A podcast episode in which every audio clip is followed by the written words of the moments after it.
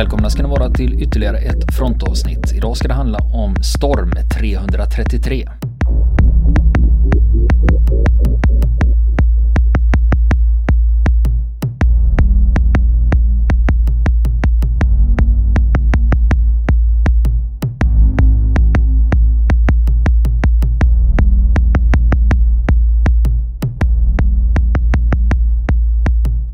27 december. Nu är det dags för anfall. Klockan 15.00 är tiden som är utsatt. President Amin, han hade inte en aning om det här. Han anade inte oråd.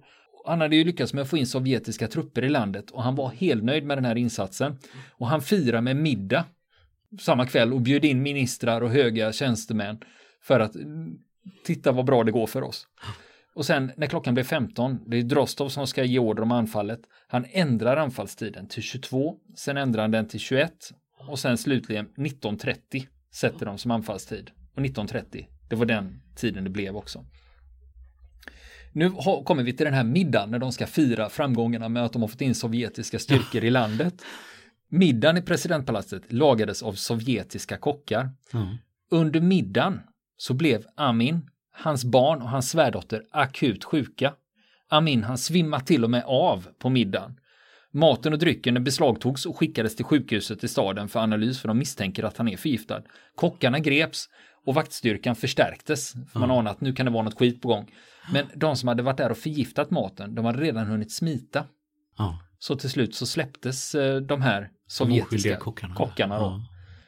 Och sovjetisk medicinsk personal kallas det palatset. För det var ju de som hjälpte Amin i sjukvårdsfrågor, så de ringer efter sovjetiska läkare som kommer dit. Och de konstaterar mycket riktigt, ja det är förgiftning. Och när de kommer in till president Amin, då var han i dåligt skick. Han var djupt medvetslös och såg ut som ett lik. Ögonen rullade och underkäken bara hängde. Och han hade knappt märkbar puls. Och läkarna, de kände inte till planerna på en statskupp utan de sätter igång med alla insatser för att rädda livet på presidenten. och han fick dropp och de ser till att andningen funkar och de medicinerar honom mot förgiftning. Och det funkar. De arbetar med dem ända till klockan 18. Och hade inte de gjort det här så hade han antagligen dött av förgiftningen. Mm. Och Amin han kvicknar till och börjar fråga vad som har hänt och vem kan det vara som har gjort det här? Är det en olycka eller är det ett attentat? För då börjar han liksom mm. bli människa igen. Och giftattentatet innebar ju att vaktstyrkan förstärktes och stridsvagnsbrigaden den är utanför stan. De sattes på höjd beredskap och var beredda att rulla in utifall att det hände något skit då. Men redan nu hade sovjetiska fallskärmsjägare redan skurit av de afghanska förbanden från att ta sig till palatset. Nu är det ju snart startdags här va. Och när chefen för stridsvagnsbrigaden inte fick order om att börja rulla och ordern bara dröjer, då försöker han kontakta högkvarteret, men ledningarna var ju redan kapade. Så han får inte, han har fått Nej, order om att, att starta mm. motorerna, var beredd att rulla, men han får ingen startorder. Nej. Men då kommer det en sovjetisk rådgivare till platsen och säger så här, det är oroligheter inne i stan, men om ni rullar in med en hel stridsvagnsbrigad, då kommer det att öka på oron. Så det bästa är att ni bara avvaktar här tills ni får en order. Och chefen för stridsvagnsbrigaden, han höll med. Och så ger han order, stäng av stridsvagnarna och gå ner i beredskap igen. Mm. Så de hölls på plats genom en bluff. En bluff helt enkelt. Ja. Och precis innan klockan 19 då kommer orden att nu är det dags att dra igång det här så snart som möjligt. Och inom 15 minuter då sätter den här 12-mannagruppen fart som ska ta de nedgrävda stridsvagnarna. De åker dit i en terränglastbil, en GAS, 66 ja. Och om någon vaktpost frågar vad de ska göra ska de säga att delar av säkerhetsbrigaden revolterat att de är på väg dit för att slå ner upproret. Och de kör genom ett område där är den afghanska tredje bataljonen grupperade. Då får de syn på befälhavaren för tredje bataljonen och hans närmaste officerare. Och de inser att de har fått världens chans. Så de kör fram till befälhavaren i full fart, tvärnitar och inom några sekunder är de på väg igen. Men då ligger de afghanska officerarna bakbundna på flaket. så, då snodde, så då snodde officerarna ja. för tredje bataljonen. De ändå körde Fan, där står de ju. Vi tar dem. Bara. Ja. Och, eh, ett, eh, och, och tolv spetsna som har bestämt sig för att gripa någon. Det går ja. nog ganska fort. Va? Och soldaterna i närheten, ja. de fattar inte vad det är som har hänt. Nej. Det tar en bra stund innan soldaterna fattar vad som har hänt och då öppnar de eld mot lastbilen som är på väg därifrån i ett dammoln. Eller ja, det var ju vinter. Ja. Snörök. Ja, men efter 200 meter, då stannar de, de blir beskjutna. Ja. De sitter av och lägger sig i eldställningar och öppnar eld mot de efterföljande afghanska soldaterna, den här 12-mannagruppen. Och de har med sig två kulsprutor, åtta automatkarbiner. Ja. Och de lyckas döda över 200 afghanska soldater i den här striden. Ja. Och samtidigt som den här Samtidigt som det här eldöppnandet sker, då öppnar krypskyttar eld och dödar soldaterna som vaktar de nedgrävda stridsvagnarna. Allting är ju redan planerat och alla bara väntar på att starta. Och när de första skotten i den här striden ekar ut över stan, då fattar Koslov att nu är det igång. Så då sänder han ut meddelandet Storm 333 över radion. Och då är klockan 19.15. Och det är signalen att nu rullar vi ordentligt. Och en eh, sovjetisk löjtnant Prout, han öppnar eld mot palatset med en eh, luftvärnskanon. Och två andra luftvärnskanoner öppnar eld mot afghanska andra bataljonen. Och det är de andra bataljonen har nu börjat engagera sig i striden mot tolvmannagruppen. Mm. Så nu får tolvmannagruppen lite stöd från andra sovjetiska förband. Och sen de här granatsprutorna, AGS-17, de öppnar eld för att hindra stridsvagnsbesättningarna från att ta sig från sina, till sina stridsvagnar. Och nu kommer styrkorna som ska ta palatset. Zenit, de hade fyra terrängbilar som skulle ta sig till västra sidan av palatset och ta sig upp mot palatset via trappor och ta sig till framsidan för att där möta Grom. För Grom, de har fem BMPs med sig. Så de ska rulla upp till presidentpalatset raka vägen upp till entrén. Bandgående pansarskyttefordon. Just det, bandgående pansarskyttefordon. Och Grom ska ta sig ända upp till entrén och där ska de kliva av och sen in i palatset och rensa. Och Zenit, de hinner knappt närma sig palatset innan deras första bil träffas av kulspruteeld. Och andra bilen träffas också och den fattar eld och besättningen sitter av. De besvarar elden och börjar rycka fram till fots istället. Men Grom, de åkte ju i BMP. Första BMPn, den blev beskjuten av en postering de precis har passerat, ett kulsprutevärn. Och föraren stannar, öppnar luckan, hoppar ut och söker skydd. Ja, och bakdörrarna öppnas då för att släppa ut soldater som ska ta hand om den här posteringen. Och först ut kommer två tolkar och de dödas omedelbart av kulspruteeld från posteringen. Men resten av pansarbandvagnarna öppnar eld och nedkämpar posteringen för de har ju faktiskt en automatkanon En automatkanon i på, tornet. på Precis. tornet. Så de använder dem för att slå ut den här posteringen. Och föraren i den första BMPn, han hoppar in igen. Och så fortsätter de rulla upp mot eh, Serpentinvägen mot palatset. Och under tiden så skjuter de med sina kanoner och kulsprutor. Och det är så pass intensiv eldgivning under deras framryckning till palatset att när de väl kommer fram dit, då har de slut på ammunition. Då har de skjutit slut. Fem BMP har skjutit slut på sina automatkanoner och kulsprutor. Ja. När de satt av vid presidentpalatset då var de utsatta för kraftig beskjutning från flera håll. För majoriteten av palatsvakterna hade Heckler Kochs MP5 och du vet vad det är för kaliber på den? Ja, 9 millimeter. Det är 9 mm skåpis, ja. Och den kunde inte tränga igenom ryssarnas kroppsskydd. Just det. Så där hade de också lite tur Ja, på precis. sin sida. Men kulspruteeld och andra typer av ammunition Högre gick energi. igenom då. Ja. Bland annat var det rikoschetter från en ZSU 234 Mm. och en, En luftvärnskanon. det är en luftvärnskanon. Den har fyra kanoner Ja. som är 23 mm och skjuter med sanslös eldhastighet. Ja. Det är ju luftvärn. Ja. Den hade de satt in för att skjuta mot presidentpalatset med automatkanonen. Men den kunde inte tränga igenom palatsets tjocka väggar. Utan alla skotten rikoschetterade och började flyga in bland sovjetiska spetsnazsoldaterna som precis har klivit ut sina BMP. Orden till SZUn, det var att den skulle sluta skjuta när trupperna nådde entrén. De väntar på att få en order på radion, eld upphör. Orden kommer inte. Och det berodde på att under den här attacken upp mot palatset så är det en terrängbil, som en av de sovjetiska terrängbilarna, den kör i diket. Officeren i den bilen ropade kontinuerligt på hjälp över radion och blockera kanalen. Så orden att ZSU skulle sk- sluta skjuta, den kommer aldrig. Nej. Så det de får göra, de får skicka en kurir till fots som får springa upp till ZSU och banka på den liksom, sluta skjut. Ja, För nu, nu era rikoschetter dödar våra soldater. Friendly fire. Ja. Och Zenit hade då tagit sig fram till entrén på presidentpalatset och möter soldater från Grom. Och de klättrar in genom ett fönster och nu börjar rensningen av presidentpalatset. Ena gruppen tar bottenvåningen, den andra fortsättning till våning två. En av de här spetsnazsoldaterna som deltog i den här striden, han heter Grishin, han berättar så här. De sköt från alla håll. Gumene stod bredvid en låda nära trappan och gav mig ammunition medan jag fyllde på magasin till automatkarbinerna. Och det var flera andra där. Vi samlades vid entrédörren till andra våningen. Vi var tvungna att storma korridoren.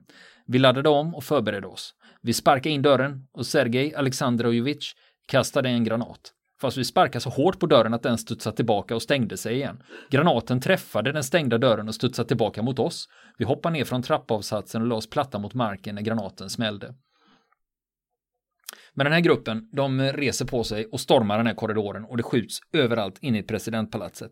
På bägge våningarna så rensar Spetsnaz rum för rum. En granat in, sen automateld och orden var inte att lämna kvar några vittnen till det här, utan palatset skall, alla som befinner sig där skall dödas.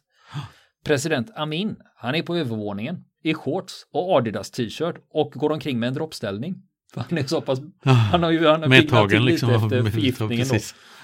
Och hans femårige son är inne i samma rum och är livrädd. För de hör ju granaterna Ja. och skottlossningen. Och Amin, han ber en adjutant att kontakta sovjeterna och be dem om hjälp. Så han har fortfarande inte fattat. Han har fortfarande inte fattat att det är sovjeterna som angriper honom. Och då säger adjutanten till eh, Amin att ja, men det är ju sovjeterna som är här, det är ju de som skjuter mot oss. Och presidenten kastar ett askfat mot adjutanten och skriker du ljuger, det är omöjligt. Så han är fortfarande övertygad om att Sovjet är på hans sida. Sen försöker han kontakta sin överbefälhavare, men telefonlinjerna är ju döda. Och då säger Amin, ja, det var det jag misstänkte, jag hade rätt. Och då har han då kommit till insikt att ja, Ja. det är sovjeterna som ligger bakom kuppen Ja. och att det antagligen är kört för hans del. Och det han gör då, det är att han lägger sig ner på trädisken på en stor bar som finns i rummet. Och när de första sovjetiska soldaterna stormar rummet, då lever han. Eh, Men när de kommer tillbaka senare, då har någon dödat honom och rullat in hans kropp i en matta. Och de sovjetiska soldaterna rensar även tredje våningen och när det är klart meddelar de Drostov att de tagit palatset och president Amin är död. Och det tog 45 minuter att genomföra den här kuppen. Utöver presidenten har även hans två söner dödats, en femåring och en åttaåring. Han hade även en dotter i presidentpalatset som överlever men blir skadad. Sen eh, när jag eh, läser i källorna kring det här så förekommer det olika uppgifter om det var en son eller om det var två söner som Mm. dödades. Så om ni själva läser om det här så finns bägge de här uppgifterna parallellt. Så, och jag kan, Kan inte själv, och jag kan inte själv säga vilken som är rätt. Om en, det var den ena femåringen som dog eller om även åttaåringen dog. Det. det vet jag inte heller. Och sen när striden här är slut, då evakuerar sovjeterna sina döda och skadade. Och av Spetsnaz-gruppen som gick in i palatset, då dödades fem och de resterande 36 som överlevde, alla var sårade. Mm. Och fem Spetsnaz från muslimska bataljonen hade dödats och 35 sårade. Och av de sårade så fortsatte 23 av dem att strida trots sina skador. Ja. Och eh, inte nog med det, eh, hade, Amin hade skickat efter sovjetiska läkare för att behandla förgiftningen. En av dem dog under stormningen också. Men striden var inte slut bara för att de hade tagit palatset. Afghanska tredje bataljonen, den fortsatte att strida mot muslimska bataljonen resten av dagen. Och det var inte bara presidentpalatset som stormades. Generalstaben infiltrerades av Spetsnaz innan klockan 19. Mm. Och eftersom sovjetisk och afghansk militär samarbetade var det inget konstigt med att det kom beväpnade sovjetiska soldater till militära installationer i Kabul. Så när den här explosionen skakade staden 1930, det var då man sprängde det här schaktet. Det var ju signalen att slå till, Mm. fast nu utbröt ju skottlossning 19 och 15 redan.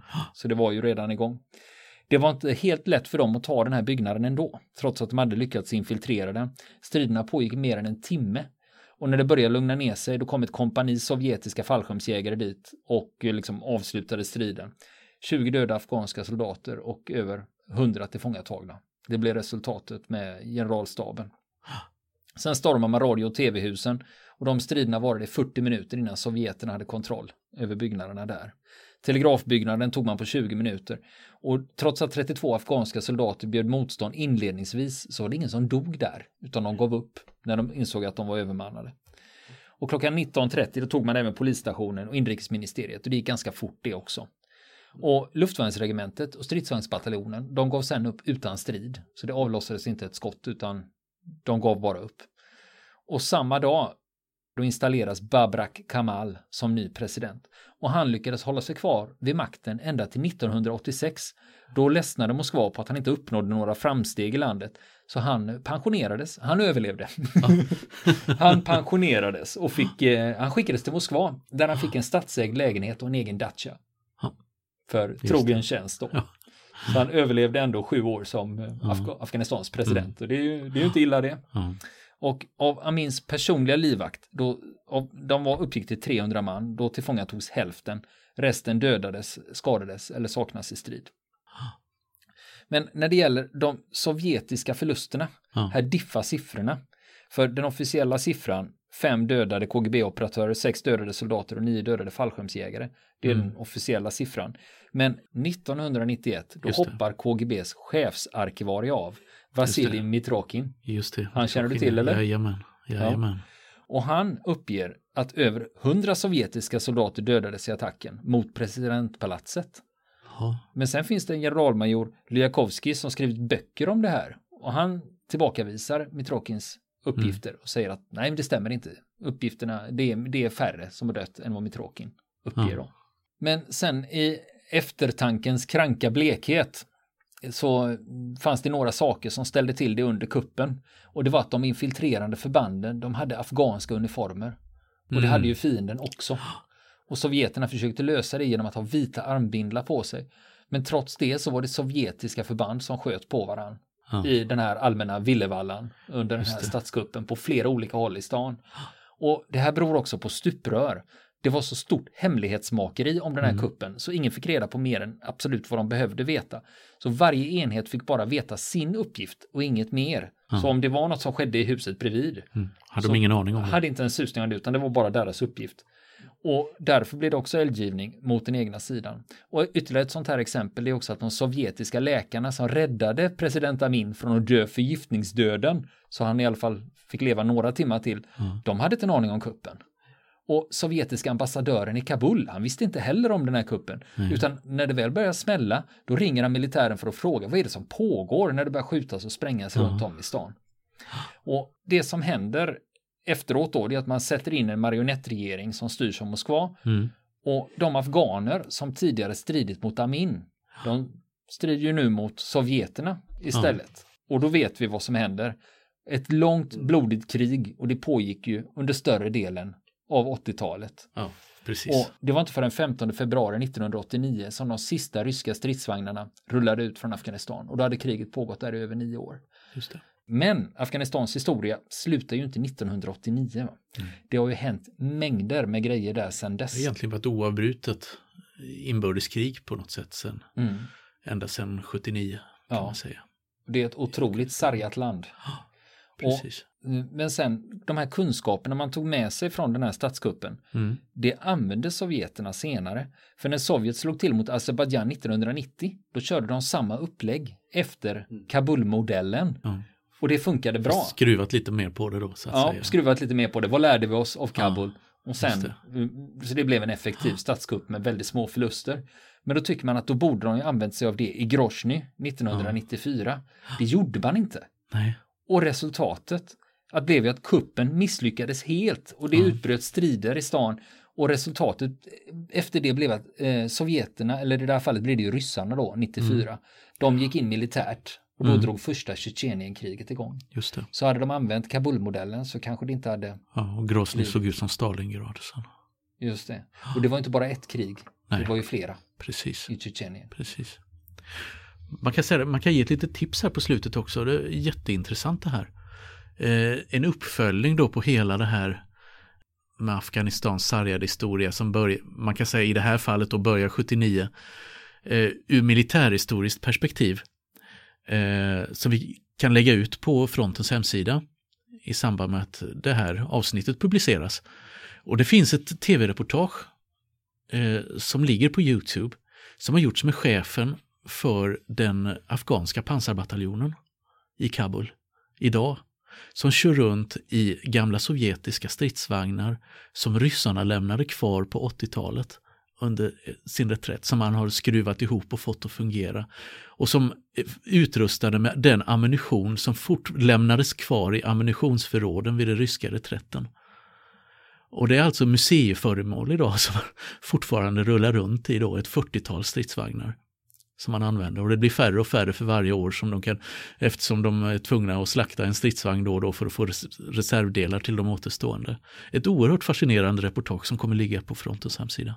Men det, är som ett, det blir som ett rullande museum då? Ja. Sovjetiskt pansar från 80-talet? Ja, Fast, är, fast det är ett aktivt mm. förband? Jajamän, gamla Men, T64 och ja. T72. Men å andra sidan, det, när man väger eh, militär utrustning så får du hela tiden väga det mot vad har motståndaren? I den kontexten ja, så är de ju fullt eh, funktionsdugliga och fyller en roll. Även Precis. om de kanske inte skulle klara sig mot en M1 Abrams eller Nej, det skulle modern, de inte göra. Eh, inte på ett öppet fält mot en Abrams. Exakt, exakt. Men i den kontexten, liksom i ett eh, tredje världen-land, så eh, rullar ju många av de här äldre krigsmaterielen från Warszawapakten. Eh, exportprodukter från Sovjetunionen fortfarande idag och fortfarande i tjänst. Trots att de har 30, 40, 50 år på nacken. Men titta på frontens hemsida eh, så ska ni få se ett fascinerande reportage inifrån eh, Afghanistans enda pansarbataljon. Sen har vi fått fältpost här till fronten och det är Hampus och Kristoffer i Skepplanda. De vill gärna höra historien om svenska hemvärnet. Ja, varför inte? Och det är ju en ganska, ja. vad ska vi säga, hundraårig historia ungefär. Eller hur länge sedan? Nej, hemvärnet i dagens det grundades under andra världskriget. Mm. Gjorde det, men sen kan man, sen har det ju funnits i andra former tidigare som landstormen och så vidare. Längre bak. Men, eh, och nationalbeväringen Eh, under 1800-talet, med början där. Eh, men det ska vi givetvis ta till oss och eh, berätta lite mer om. För att det, det har faktiskt en intressant historia. Även om de inte vann så många slag på östfronten. Nej, det var väl inte så många det var inte så många hemvärnsmän som stupade i strid. Skämt åsido. Mm. Nej, men det är självklart, det är mm. fortfarande intressant och framförallt mm. om man då tittar på det ur ett kalla krigsperspektiv som mm. vi faktiskt eh, nästan blir tvungna att göra. Absolut, absolut. Goda nyheter mina vänner. Vi ska nämligen sända fronten live för första gången och det gör vi på Oskar IIs fort den 6 juni och de öppnar grindarna klockan 12. Och det som pågår på Oskar IIs fort i Göteborg det är ju bland annat att man ska skjuta salut med de här stora kanonerna de har här. Har du varit på Oskar IIs fort Niklas? Ja det har jag varit en gång. Det är faktiskt en häftig installation kan man säga. Det är väl värt ett besök för den som inte har varit där. En del av svensk militärhistoria i sin prydno. Så ja. att, eh, så att eh, det, det, blir nog kul. Mm. Och de öppnar grindarna där klockan 12 och uh, nu kommer Niklas kommer att vara i Berlin. Du ja, ska ner och titta på gamla krigsgrejer. Ja, just, just den dagen så befinner jag mig på resa ner till Berlin då. Ska bland, titta på en del intressanta saker från andra världskriget bland annat. Och vem vet, det kanske kan resultera i några rapporter i podden där nerifrån. Mm. För vi sänder ju live två, jag, det blir mm. alltså jag som sänder live från Oskar IIs fort och sen den inspelningen kommer ju och även publiceras som podcast så småningom. Så mm. har man ingen möjlighet att ta sig till Oskar IIs fort. Och det mm. sker ju flera andra typer av aktiviteter där så för de som är militärhistoriskt intresserade. Så det behöver inte nödvändigtvis vara den här perioden som folk är intresserade av. Mm. Så ni är välkomna dit den 6 juni så mm. ses vi där. Ska vi säga något om vad som kommer hända då under podcasten? Ja, vi kommer att ha intervjuer med de som driver det här fortet utifrån flera olika aspekter. Bland annat ska vi prata artilleri, vi ska prata historia och även fortets historia i ett sammanhang. För en befästning är ju inte nödvändigtvis den enda befästningen som finns i krokarna där utan det finns flera andra saker vi kommer att prata om också. Mm. Så kan det dyka upp hemliga gäster eller spontangäster. Mm, när man minst anar det. Mm. Så kan det dyka upp folk. Det låter, du sitter och flinar lite. Ja, jag har mina baktankar här. Har jag. Och jag, har, jag har en plan. Du har en plan. Ja, ja. det blir spännande. Då vet mm. vi det 6, 6 juni på Oskar fort. Det ja, det. För vi får se vad som händer. juni, ja. det är en passande dag. Ja, precis. På många sätt. Mm. Men välkomna dit. Ni kan läsa mer om det på deras hemsida. Det är o2fort.se. Lätt mm. att hitta. Och som sagt, inte minst för att ta en titt på 50% av poddens redaktion. Ja, en sån sak. Det blir nog, ingen blir nog inget autografskrivande i alla fall. Det, det vet man aldrig. Det vet man aldrig. Sen har vi fått fältpost i fronten och det är från Kim i Eksjö och det gällde, han har svarat på ett svar faktiskt. Det var så här mm. att han hade lyssnat på våran, eh, eh, vårat avsnitt om Operation Black Buck One. Det vill säga mm. när man flög ett brittiskt bombflyg en jäkla massa mil och bombade en startbana i Stanley på Falklandsöarna. Och han hade gjort en egen podcast. Han pratade om mm. allt möjligt, inte bara krig och militaria. Men då hade han ett avsnitt om Black Buck One som jag hade lyssnat på. Och där hade han ju eh, en, en av uppgifterna som han hade som vi inte hade, det var att eh, besättningen skulle varit bakfulla mm. Och det hade jag aldrig liksom lyckats hitta i någon källa. Mm. Men då tipsar Kim mig om att ja, men jag har fått det från den här dokumentären. Då är det en dokumentär med intervjuer av eh, bombbesättningen. Mm. Och där är det minst en som verifierar att det var ett födelsedagskalas kvällen innan. Oh, så vältajmat. Att, så att det, det borgar ju då för att ja. det fanns bakfylla med mm. i den här historien. Så nu är den källan så att ja. säga verifierad av en muntlig källa då. Alltså inte bara inom det civila trafikflyget. Utan det dricks även på den dricks militära även på sidan. militära sidan. Ja. Fronten firar ju faktiskt ettårsjubileum och för att fira det ska vi ha en tävling. Det som ligger i potten är flera bokpaket och nu snackar vi inte tjocka volymer av Beaver eller Ambrose. Utan riktigt underhållande kiosklitteratur från Victory och Attack-serien med författare som J.E. McDonnell och Leo Kessler. Perfekt för hängmattan i sommar med andra ord. För att vara med i tävlingen ska ni börja med att spetsa öronen. Vad är det vi hör här?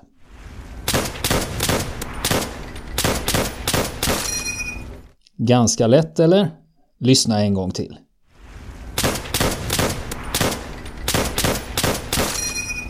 Ni skriver in svaret på vad det är ni hör i ämnesraden, anger er postadress i mejlet och så mejlar ni till frontenpodcast.gmail.com. Vi kommer att dra flera vinnare bland de rätta svaren och ni som vinner, ni får hem bokpaketen på posten. Och vi har fått fältpost och det är Sam i Stockholm som vill tipsa oss om dokumentären Flygplan till Haile Selassie som har legat på SVT mm. Play och den handlar om mm. Gustaf von Rosen. Och eh, jag konverserade lite med Sam mejlledes mm. och då tipsade jag honom om P3s dokumentär om mm. Gustaf von Rosen. Och den var mm. intressant. Jag har även gjort en notering här att den här Haile Selassie på SVT Play, mm. den eh, kan man se fram till 19 juli.